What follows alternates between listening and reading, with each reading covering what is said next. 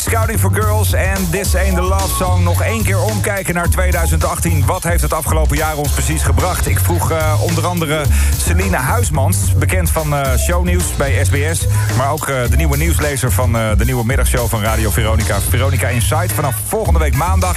Ik vroeg aan haar, wat waren eigenlijk de grootste showbiz-momenten van het afgelopen jaar?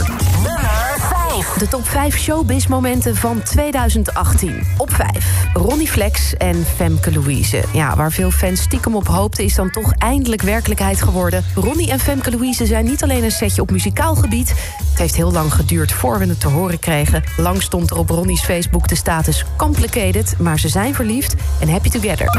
Nummer 4. Op 4. Humberto Tan stopt bij Late Night. Met tranen in zijn ogen nam Humberto Tan afscheid van zijn geliefde RTL Late Night. Het was niet zijn eigen keuze, zei hij, om na vijf jaar het programma te verlaten. En het regende steunbetuigingen van bekende vrienden van de show en op social media. Twan Huis nam het stokje over. Nummer 3. Dotans trollenleger.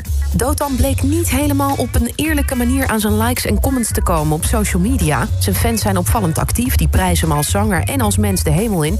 Maar Dotan bleek zich te bedienen van trollen, nepaccounts met fictieve namen. Met name het verhaal over een jongetje met leukemie... schieten mensen in het verkeerde keelgat. Nummer 2. En op 2, Glennis Grace verovert de wereld. Wie niet heeft gezien dat Glennis in Amerika was voor America's Got Talent... heeft echt onder een steen gelegen. Ze belandde in de finale van de show, maar won helaas niet. Toch heeft ze een onuitwisbare indruk op de Amerikanen achtergelaten... en zich eigenlijk op de hele wereld op de kaart gezet. Nummer 1. En de onbetwiste nummer 1 is natuurlijk de royal wedding van Harry en Meghan. De wereld smulde ervan. Het huwelijk tussen de prins en de Amerikaanse Suits-actrice Meghan Markle. In mei vond het spektakel plaats in Windsor.